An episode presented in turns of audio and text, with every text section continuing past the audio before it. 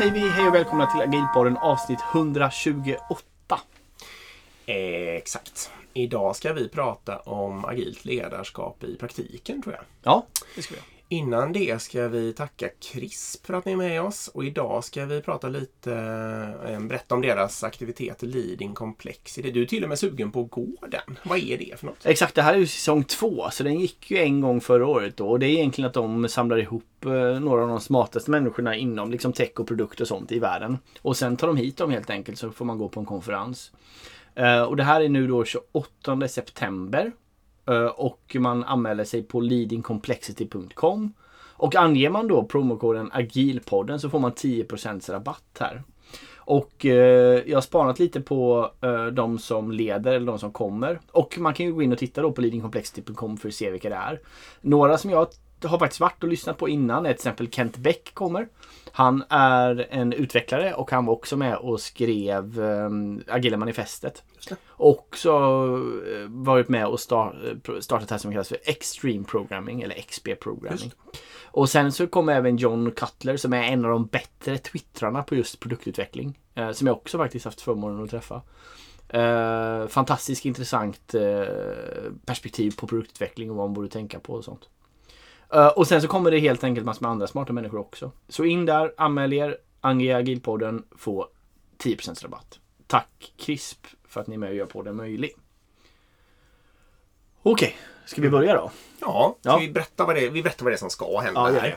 Vi kommer toucha då på tre huvudämnen kan man säga. Vi kommer toucha på eh, erfarenhet, på ett vanligt praktiskt problem och sen kommer vi gå igenom några snabba tips på hur man eh, skapar autonomi, eh, transparens och eh, psykologisk trygghet i en organisation.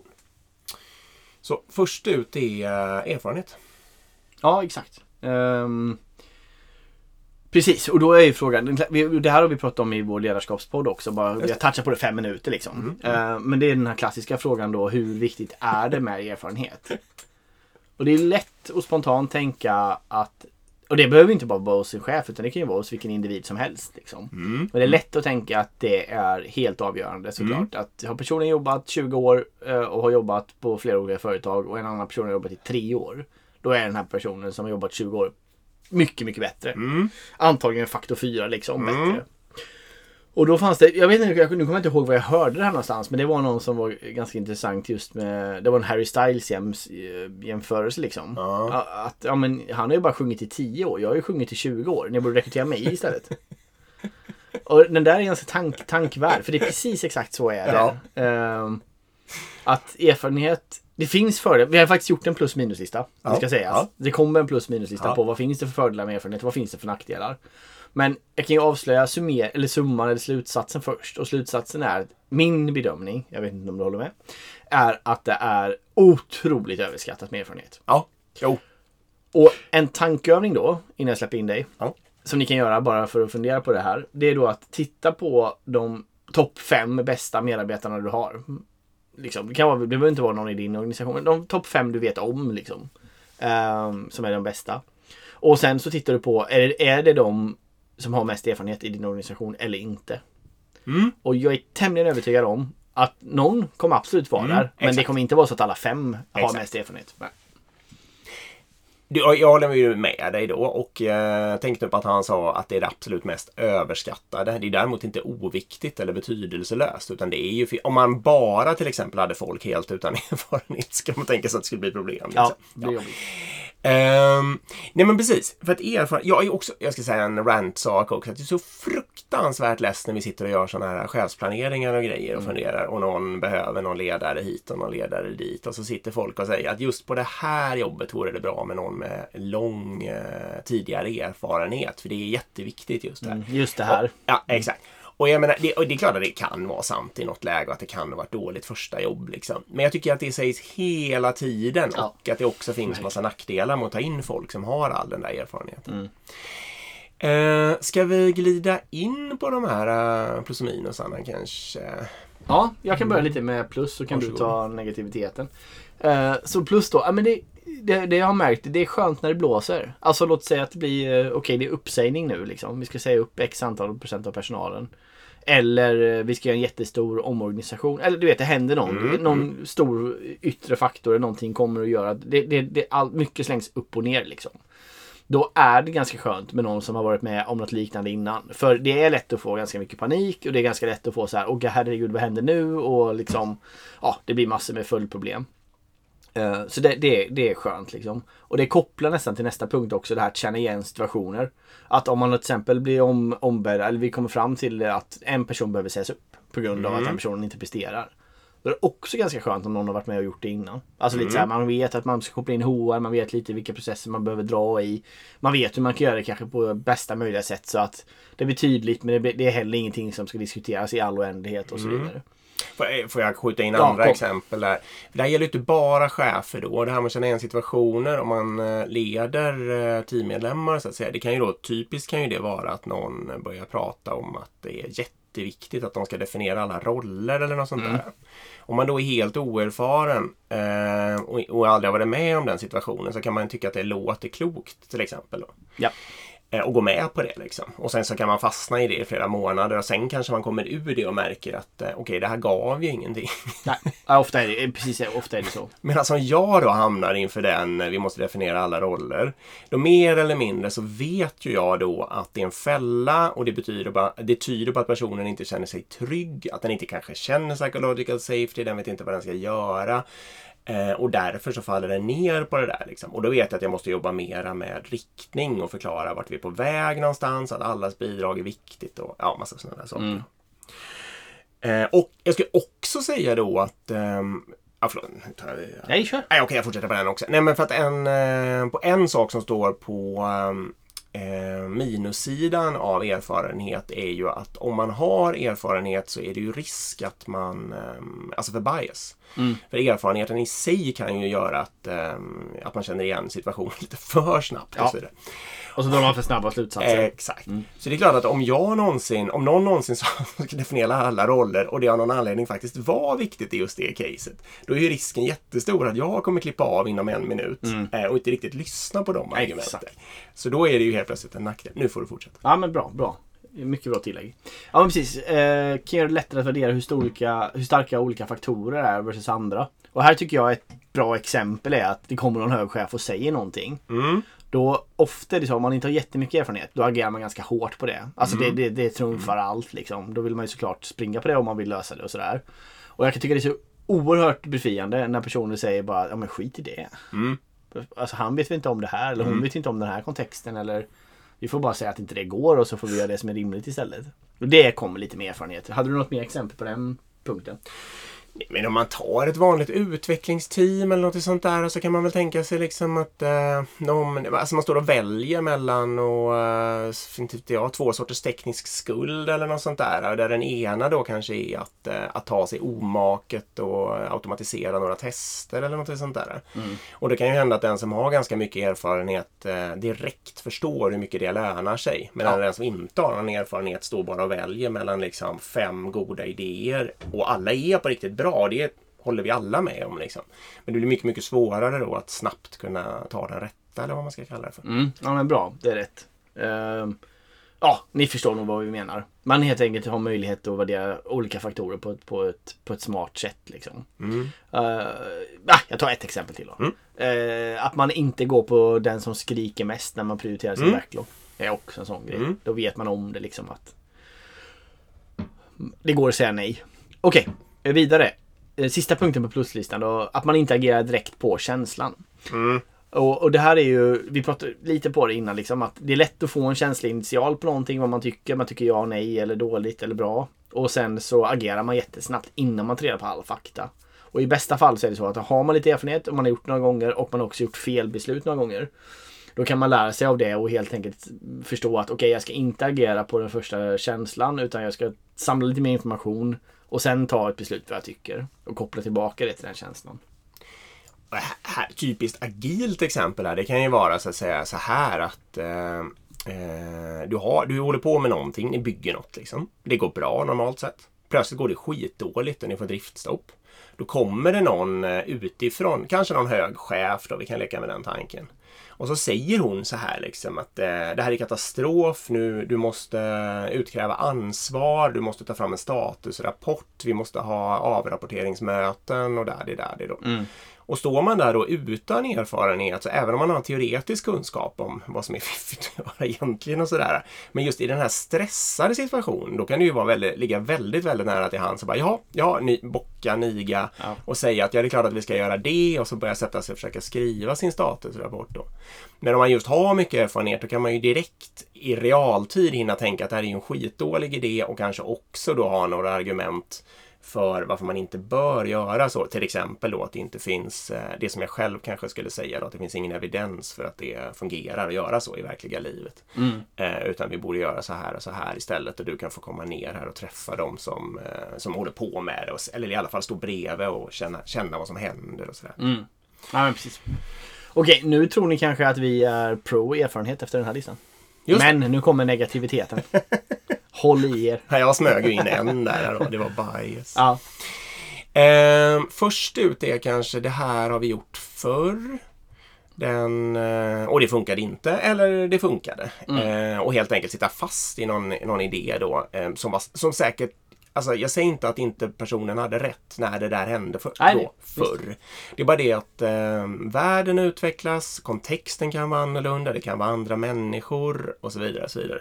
Jag vet att du har ju så här eh, någon gång har ju du känt att eh, vad var, jag kommer inte ihåg vad det var, men vi jobbade tillsammans. Ja, det kanske var Definition of Done eller något sånt där. Mm. Och så hade du liksom försökt köra ett Definition of Done-race och fått det att funka lite men inte så bra som du ville. Och så gick det ett tag. Så kom någon annan och sa att nu borde vi fixa Definition of Done. Mm. Och då kände du, nu ska nog inte jag vara här längre för jag Nej. kommer bara vara negativ och förstöra deras Definition of Done-försök. Ja, nej, men exakt. Och det har hänt flera gånger. Det finns några sådana grejer som jag... Ja men big room planning och sånt är också en grej som jag till exempel är emot. Men som kan funka i vissa kontexter. Absolut kan du göra. Så det, så det är verkligen så. Och där får man ju se upp alltså. Det får man verkligen se upp med. Och det är lätt. Det är många som inte ser upp med det och då blir man rätt. eh, Då kan man bli rätt knölig som chef eller, eller som vanlig person också. Jag har några saker här på det här. eh, Ponera att du ska rekrytera. Ehm, och så ponera att du, att du just tänker här och det är jätteviktigt med erfarenhet. Du ska välja den mest erfarna personen. Så på just det här ämnesområdet också som det gäller då. Min erfarenhet är ju, kan ju vara i alla fall, det beror lite på, men det kan ju vara att det är mycket, mycket större risk att de personerna inte vill lära sig nya saker och inte vill utvecklas. Mm. Och då menar jag inte att alla människor som har erfarenhet är sådana. Men det är en statistiskt ökad risk och det är också en stor risk om det liksom är lite så här exakt det området på något sätt. Det är nästan bättre att ta någon, för jag menar det är inte så att jag tycker att alla som har erfarenhet av någonting ska få sparken eller grävas ner i en grop någonstans. Men då är det ofta bättre att kolla efter sådana människor som har erfarenhet av något annat eller något snarlikt men som vill utvecklas och är nyfikna på just det här som Mm. just vi håller på med på något sätt. Eh, För då kan de ofta göra något positivt av den erfarenheten men också ha nyfikenhetsenergin och vilja utvecklas och så vidare. Mm. Ja, men bra. Ja, jag håller med. Och kusinerna till den då, eller det kanske egentligen är samma spaning, men det är att det kanske också på statistisk nivå då är vanligare att de har dålig energi eller dålig attityd. Att eh, någon utan erfarenhet är ofta, återigen statistiskt sett, mer positiv och mer nyfiken. Ehm, ja. Ehm, ska vi ta det här specialfallet, för det har vi bara kört i ledarskapspodden. Ja, kör. Är det, precis, det var någon som frågade mig en gång, nämligen är det positivt för löneökning, liksom lönegrundande, att ha mycket erfarenhet? Mm. Ehm, och då tycker jag, det här får, man, får ni väl tycka vad ni vill om allihopa, men i sig, att bara ha mycket erfarenhet tycker jag absolut inte är lönegrundande överhuvudtaget.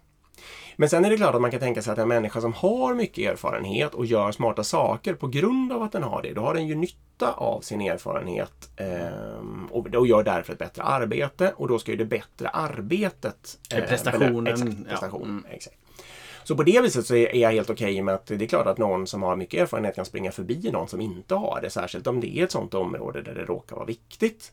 Eh, Men det är liksom, man kan inte komma i sig och säga att jag vill ha mycket lön för att jag har massa erfarenhet av det här. Ungefär som att jag sitter, alltså, en stor eh, vattentank som är full med vatten. Men går visserligen inte att hälla ut något. Men, Men jag har mycket finns. vatten. Nej, exakt, jag har mycket vatten. Nej, jag, jag håller med. Det måste vara kopplat till prestation. Sen är det ju troligt då att med erfarenhet så ökar prestation och så vidare. Jo, Alltså för Ja. menar, ofta går du kanske in på en högre lön på ditt tredje jobb än vad du gör på ditt första och så vidare. Jo, Ja. men då skulle jag, det håller jag med om. Och då vill jag också bara vara tydlig på att då tyck, då, alltså anledningen till att jag låter någon gå in ehm, på högre lön, det är ju inte i sig att de har mer erfarenhet, utan det är att jag tror att de kommer kunna göra ett bättre Mm. jobb än någon som inte hade det. Nej men så är det ju. absolut. Eh, Det är det ju. Okej, men det är en plus minus-lista. Det, det är klart att det finns massor med fler perspektiv på erfarenhet. Men min summa kvarstår ändå. Det är otroligt överskattat. Och när ni bygger organisation, bygg då för allt i världen med en mix av eh, erfarenhet och mindre erfarenhet. så Ja, verkligen. Det är ju det som, som gör tricket. Liksom. Verkligen. Okej, bra. Ska vi hoppa vidare? Du Ja, det- hade... Ja. Mm. Ja, ja, förlåt, säg. Nej, jag skulle bara säga att du hade en, eh, en, fått in en fråga. Ja, eller det här var ett praktiskt eh, eh, litet dilemma här som eh, dök upp häromdagen på jobbet bara helt enkelt. Mm. Och då, den går så här då. Det är, jag vet inte, ni kommer tycka att det här är uttjatat för det rör hemarbete. Eh, om ni då tänker er att det finns någon slags eh, policy som säger att man ska, att det är ofta okej att jobba eh, vad man vill och ibland när det behövs så behöver man ses på kontoret. Det är liksom grundpolicyn. Den är inte uttryckt exakt så men ungefär. Eh, och sen är det då vissa ledare som lite drar slutsatsen att ja, men vänta nu här, nu har ju folk gått och vant sig vid att de alltid kan vara hemma och de är ganska svåra att få in här. Ehm, och det kan vara ganska värdefullt att göra det till exempel då när det börjar någon ny människa.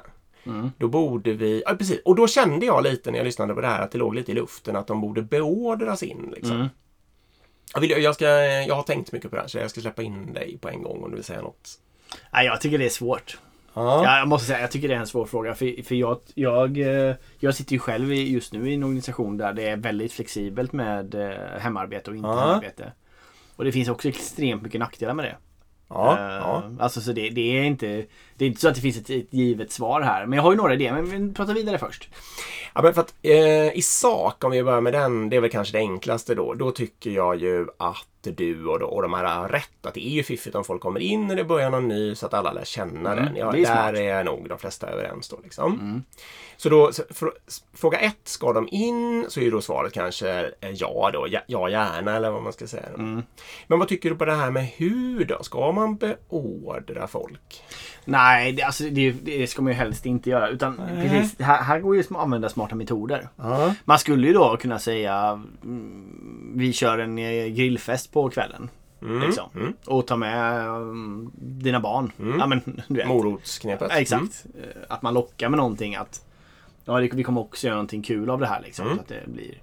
Så det, det, det, det, det, det var min spontana tanke. Den, Mm. den skulle jag nog gå på. Beordra in...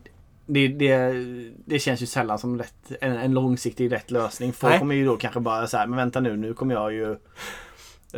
ja, jag har ju faktiskt jag har en kompis där det har hänt och då, då blir ju på en gång att den personen såklart börjar kolla nya jobb. Ja. Där, där den flexibiliteten, alltså där den beordringen inte finns längre liksom. Speciellt om den inte motiveras, då blir det ännu knepigare. Mm. Utan bara nu ska alla in, två dagar i Mm. veckan. Och vad tror du är mitt go-to-knep då? Eller det har du? Nej, Eh, nej. Nej, det är nog väl mo- någon morotvariant kanske. Ah, det, det som, jag, jag är inte emot morotslösningen och Mm. den kan man absolut kombinera med. Det som jag själv direkt känner är ju att jag måste ge dem eh, bigger picture. Alltså jag måste Mm. förklara, jag måste hjälpa människor att tänka på den här nyanställde. Så jag måste liksom coacha dem att eh, hur tror du det känns att börja här? Det är bara en enda människa som kommer in och önskar dig välkommen. Alla andra får du bara se på skärmar. Ehm, och alla inne vid olika tider. Man ser aldrig hela gänget. Ni känner visserligen varandra. Och så liksom försöka bygga den empatigrejen då mer Mm. eller mindre. Att, eh, att de ska förstå det. Att ah, okej, om jag hade börjat här hade jag tyckt att det var gött då. Liksom. Mm. Att allting bara, eller att 80% var digitalt och eh, att det dessutom var det vid olika tillfällen på ett lite sådär rörigt sätt. Mm. Och så får alla människor att få den förståelsen och sen så bara då eh, i- förhoppningsvis bara be dem tänka själva. Då, mer eller mindre och se om det löser sig. Liksom. Mm. Om det absolut inte gör det så får man väl eh, liksom överväga andra sätt då. Eh, Men jag, min erfarenhet är ju att om man har anställt rätt människor så är det ofta det som behövs. De Så då blir liksom- det liksom, det finns tre metoder. Beordra, morot och varför. Ja, egentligen. exakt. Och de går väl kombinera också? Ja, förstås. Och det är klart att har man någon eh, rättshaverist så kan man väl beordra den och så vidare. Ja. Så det är inte så. Ehm, men, och min tredje fråga här som också jag tycker är lite intressant, den har jag väl inte riktigt löst ännu. För jag höll tyst nämligen när den här diskussionen eh, Mm. utspelade sig. Spännande. Nu är det ju risk att min organisation lyssnar på det här då, så de, eh, de som eventuellt gör det, ni får, då, har ni ju, då vet ni vad jag tänker. Men ehm, för då är frågan så här, eh, vad ska jag... För jag är, det här är ju inte mina, alltså jag är ju högre chef i det här sammanhanget då. Mm.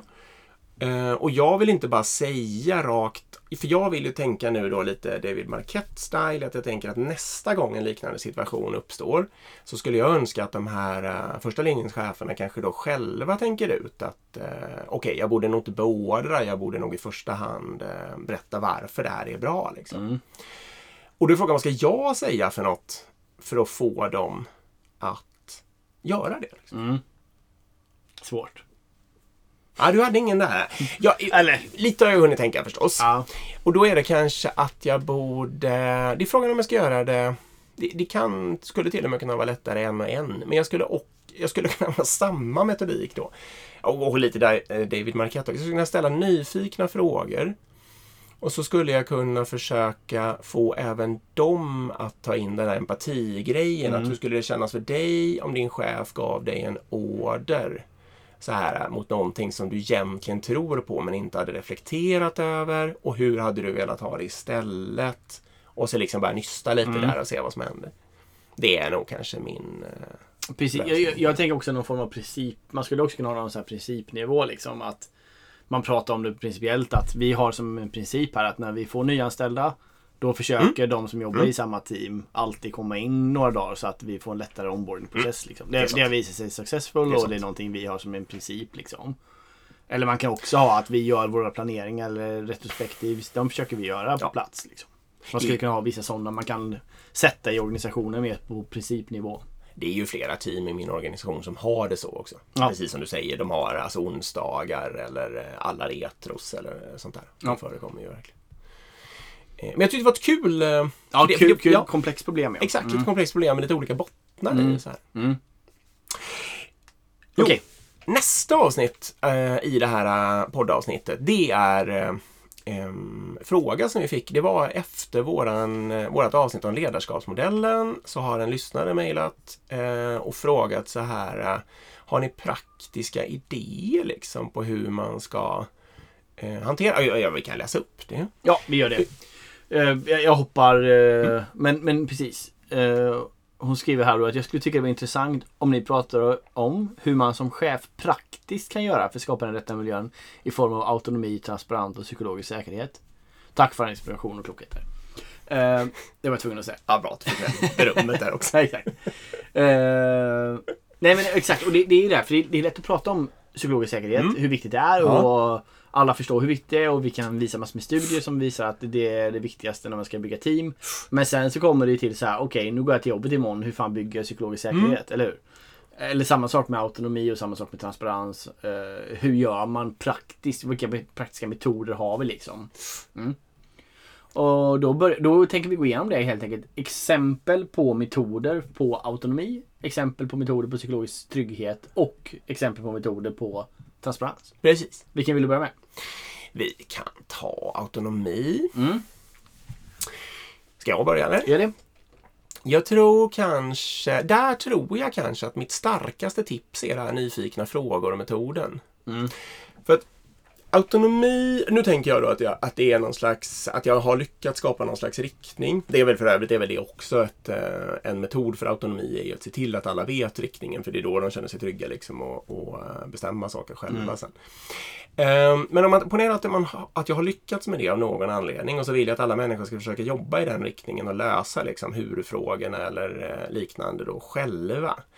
Då har jag märkt att det är ofta väldigt, väldigt kraftfullt att gå in och intressera sig, fast utan att ge svaren, men intressera sig på en sån nivå så att man liksom ändå kan, det är okej liksom att gräva ner sig lite i lite detaljer och försöka förstå varför gör ni så här, varför gör ni så där, vad hände igår, vad kommer hända imorgon och så vidare. Eh, vad har ni för idé? Vad har ni för planer? För det skapar någon slags känsla hos människor. Då. För då, det, vad som är jättelätt att göra där är att bjuda på att jag kan inte. Mm, exakt. Om, om jag bara frågar på någorlunda genuint sätt så, att, så det verkligen märks att jag inte kan.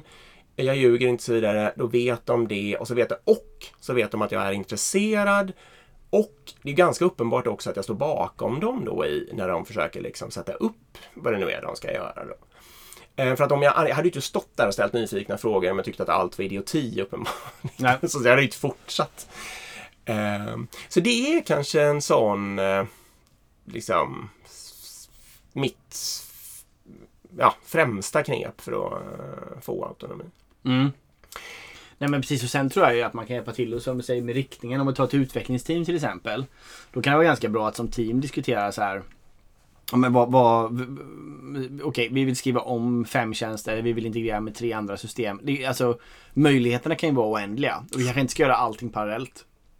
Eh, utan då blir det ju på något sätt så här, vad, kan vi, vad tycker vi som team är rimligt att, att fokusera på just nu? Eller prioritera de där sakerna Mm. i någon form av lista. Och då har man ändå diskuterat igenom dem liksom att ja, men alla de här grejerna är rimliga att titta på på något sätt. Mm. Och vi tycker att ungefär den här prioritetsordningen är ett rimligt sätt att göra det på. Då kan man ju sen, eh, liksom, sen kan man ju verkligen låta folk så här Mm. bestämma hur många ska vara på vad och till och med kanske vilken ordning. Det kanske rimligare att göra prio 3 före prio 2 av någon anledning liksom. Eh, Men det skapar ju också liksom lite ramar för vad är okej att kolla på liksom, eller vad är okej att jobba på. Så, för det- är svårt att skapa autonomi om spelfältet bara är helt öppet också. Ja, nej men så är Det det blir det för orimligt liksom. Ja. Mm. Särskilt då lite beroende på hur moget allting är. Men absolut. Nej, det, det är bra att ge dem. Jag ska säga också att de där äh, nyfikna frågorna kan ju vara lite ledande. Man ska ju akta sig för att äh, alltså, uppenbart fiska efter ett exakt svar. Så att Mm. säga. Men det går ju att peka ut vilket område som är viktigt till exempel. Då. Typexempel kan ju vara så här äh, hur, hur många procent av äh, testerna är automatiserade. Liksom. Det vill jag ju kanske också på riktigt veta, så jag är genuin när jag frågar det. Och jag antyder ju kanske lite då att det ändå är ett område som jag intresserar mig för och tror har någon slags värde så att säga. Mm. Så då får jag båda de sakerna på köpet. Jag får reda på det och jag har kanske antytt att det är någonting man skulle kunna fundera på. Men liksom, tycker de att det är en skitdålig idé att fundera över det så lär de väl inte göra det. Eh, utan då lär de väl göra något annat och så vidare. Ja. Mitt, eh, jag ska också, jag har en grej till på det här och det är helt enkelt att jag ehm, som tumregel så godkänner jag alltid allting. Alltså nu pratar jag om sådana här system och ehm, du vet, någon ska godkänna att någon ska köpa något eller Mm. någon beställning eller något sånt där. Och då försöker jag att alltid godkänna allting eh, direkt i det, så i realtid jag kan. Och sen så jag istället ty- försöker jag vara jätte, jättetydlig på att om människor, alltså om de är på väg att göra något kontroversiellt eller något som de tror att jag tycker är en dålig idé, då måste de ju säga till. Liksom. Mm. Man kan inte, jag styr inte organisationen i de här godkännande processerna utan ni har full autonomi att arbeta och köpa och göra, beställa vad ni vill. Liksom. Och om ni tror att vi behöver prata om vad är okej och inte okej, då får ni ju liksom själva räcka upp handen och fråga. Mm. Ehm, Och det tror jag skapar högre autonomi. Mm. Ja, men det är bra. Hoppas det går svar på lite mer praktiska saker man kan göra för att skapa autonomi. Ska vi hoppa över till eh, psykologisk trygghet? Mm. Man kan börja med den här just att Alltså det är ganska bra att visa den här Google-studien som är gjord. Liksom. Att man går igenom den. Boka en timme med teamet, gå igenom att det är en viktig faktor och varför det är en viktig faktor och vad Google kom fram till i sin studie. Man kan visa också definiera vad är psykologisk trygghet. De har ju en survey man kan sno, där man kan, eh, en undersökning helt enkelt, där man kan titta och mäta ens egna team psykologiska trygghet. Mm. Eh, och det kanske man inte ska göra som en första aktivitet, för det är lite knepigt, för det kräver en viss psykologisk trygghet att, Mm. att mäta det. Mm. Men det man kan göra är att titta på frågorna och titta på allihopa och bara okej, är det någon av de här, om vi ska välja tre och jobba med, vilka ska vi ta då liksom? Eh, eller sådär. Så, man, så att teamet blir medvetna och om ni har samma definition kring vad det är. Det är en bra början tycker jag, en praktiskt bra början. Medgörenhet, viktigheten, utbilda om att det finns och titta på surveyn från Google. Och när ni ska hitta det här, alltså det, det heter ju Rework, deras sånt här äh, koncept när de delar med sig av saker. va? Så man kan googla på Project Aristotle tror jag och Rework så kommer ni hitta den hur lätt som helst. Eh, åh gud, vad ska man... eh, mm, jag tror, ska jag börja med... eh, Okej, jag börjar uppifrån. Ja. Ja, ehm, Ja, det här är saker som jag brukar försöka tänka på bara. Och det är att så fort jag känner av att någon kanske skulle bli lite, lite glad av det, då brukar jag försöka säga att jag står bakom dem eh, vad som än händer. Mm. Alltså utåt framförallt då. Och sen är det förstås viktigt att göra det också. Det gäller att inte bara säga det. Men, så, att man, så att jag försöker vara tydlig på att blir det fel eller något går åt skogen eller något sånt där så kommer jag att backa upp er vad som än händer eh, utåt och sen så får vi ta en diskussion liksom tillsammans hur vi gör för att det ska bli bättre nästa gång. Men jag kommer liksom inte kasta någon framför bussen eh, eller något sånt där. Och det tror jag är väldigt, väldigt viktigt för psykologisk eh, trygghet. Ehm, ibland supersimpelt knep, men jag frågar vad är det värsta som kan hända? Det är en sån här, ibland kan ju folk tänka att, att här, oj, oj, oj, jag måste vara jätteförsiktig. Mm. Och sen om man, om man bara perspektivar lite, tänker efter så här, det är väl inget, det händer väl ändå ingenting liksom. Eller väl, alltså, jaha, vi förlorar 3000 kronor eller Ja, men precis. två dagars jobb. Eller alltså det här liksom. Det kan ju vara, det är klart det är tråkigt, men, men Det ja. faller, fäller inte företaget. Nej, det fäller verkligen inte företaget. Och ett syskon till den är ju då skilj på reverserbara och mindre reverserbara saker. Så det är klart att man kan ju, om det är något man kan ändra tillbaka i sekunden efter. Eh, och så är ju 90 procent plus av alla grejer man gör är ju så liksom. Då eh, hjälp folk att tänka på det. Att okej, testa det här i en vecka och går det skitdåligt så är det ju bara att gå tillbaka och göra som vanligt igen. Liksom, eller som man gjorde innan. Ni behöver inte vara rädda för det. Ehm, Ja, jag håller med. Och där, där, där, där tycker jag en, en bra regel är um, enväg eller tvåvägsdörr. One way, two way Mm. door. Så det, det är ett bra koncept att sälja in liksom. Mm. Att så länge det är en, en two way doors decision. Eller då ett uh, reviserbart beslut Ja. på det svenska. är samma sak. Ja, det är samma sak. Då, då är, det behöver man egentligen aldrig ha kontrollprocesser för. För det går alltid backa. Ja. Då är det inga problem. Men däremot är det icke det. Då, då kan det vara rimligt att ha olika beslutsforum eller eskaleringssaker. Ja. Eller kolla med sin chef först och sånt där. Och typexempel på det, de där få, det är ju eh, fasta anställningar. Det är mitt favoritexempel. Mm. Eh, men även för den delen betala 10 miljoner för en licens liksom, som man köper. Eller något sånt där. Mm. Då har man ju förlorat 10 miljoner. Det är klart att eh, ja, det är ju igen, i någon bemärkelse inte riktigt reverserbart. Nej. Ehm, min... Jo, och sen så eh, eh, också, bara för att poängtera det. Det är ju inte så att man ska gå runt och hålla med alla människor eller bara vara peppig eller något sånt där. För det kommer inte heller bli någon... Det kommer inte vara genuint och då kommer människor också... Alltså då kommer de bli rädda åt andra hållet på något sätt. Mm. kommer de inte känna att det finns någon, liksom, några ramar att hålla sig i. Så det är jätte, jätteviktigt att säga ifrån när någonting är dumt och dåligt eller när man inte håller med eller något sånt där. Det är bara det att då just för psykologisk trygghet är jätteviktigt att göra det men det är också jätteviktigt att göra det på ett respektfullt sätt. Att inte dumförklara någon. Att ak- aktivt bestämma om man kan göra det i eh, plenum eller om man ska ta det i enrum. Förklara varför, förklara att det kan vara en fråga om olika uppfattningar. Eh, och, och liksom, det var bra att du testade men det här funkar ju verkligen inte på grund av det här och det här. Liksom. Mm. Eh, och våga göra det. För annars så kommer det inte heller bli någon psykologisk eh, trygghet. Nej. Nej, bra. Ja, jag har en, min viktigaste, eller min smartaste. Ja, Mm, det är att jag förklarar för människor ehm, att för ibland är det så här, um, alltså jag, jag har verkligen märkt att det här hjälper. De frågar mig så här efter ett tag, gör jag rätt nu då? Gör jag rätt saker? Blir det här bra? Mm.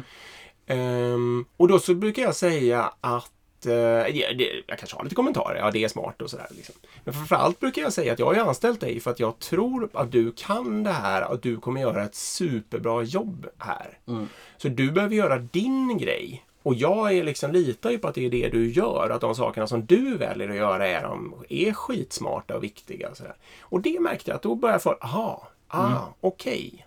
Har du så mycket förtroende för mig? Mm. Liksom, ja, men då kan jag ju våga. Då jävlar. Ja, då jävlar, Nej. exakt. Nej, men det, det tror jag är bra. Så kom ihåg det knepet. Ja. Det tyckte jag var ganska kraftfullt. Ja, verkligen jättebra. Jättebra. Och det, och det är väldigt, väldigt viktigt att det inte blir som en person vill. Mm. Alltså för om alla ska bara kolla med chefen och chefen ska godkänna allt, då blir det ju som en person vill istället. Mm. För, då använder man ju inte den kollektiva intelligensen och så vidare. Det är en bra, bra grej. Mm. Okej, sista punkten, lite praktiska tips på hur man skapar transparens då. Mm. Eh, ja, precis. En grej är ju verkligen så här att...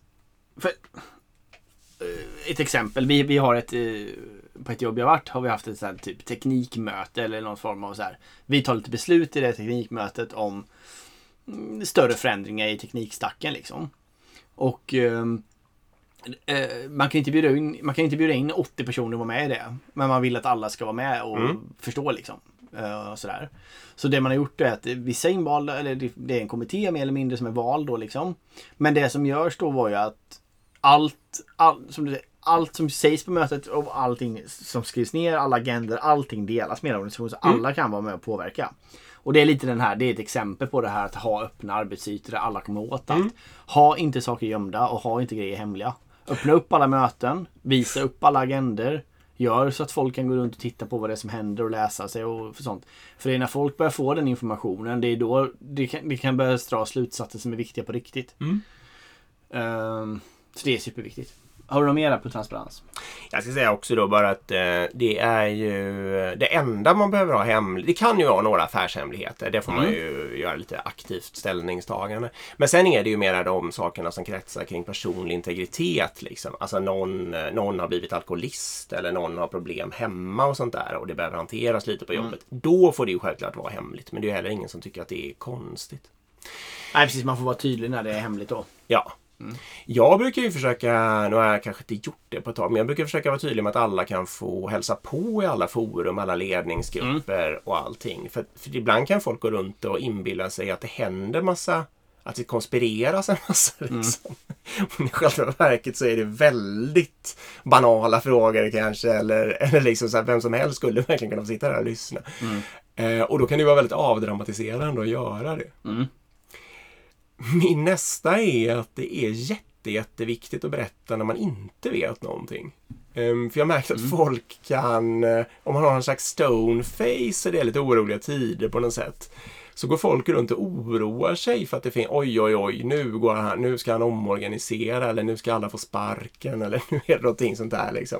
Och då brukar jag säga kanske så här att det är klart att om jag hade vetat att, ehm, att någon till exempel skulle bli av med jobbet så skulle jag inte kunna säga någonting. Men nu, här med och nu så lovar jag att det finns inga sådana planer som jag känner till överhuvudtaget.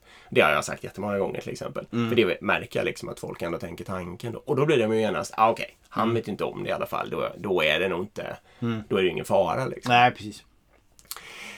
Ehm, vad ska jag fortsätta nu? Mm, gör det. Informationsmöten är ju ibland, eh, uppfattas ju som eh, transparens. Eh, och jag håller väl med då. Jag vill bara liksom, man får passa sig för den här eh, det, de måste vara jättekorta och innehålla det, det, är liksom det viktigaste eller det som folk så här, eh, på riktigt kanske inte skulle komma på och fråga på något sätt. Eh, Och sen får man istället se dem som ett smörgåsbord så alla som vill veta mer de får gå in och leta eller de får fråga efteråt vad de kan hitta mer och sådär. Ehm, och då är en fortsättning på den är just att eh, om folk vill eller så här känner att de inte känner till saker så är det jättekraftfullt om man kan hjälpa dem att leta upp det själva snarare än berätta enstaka fakta för dem.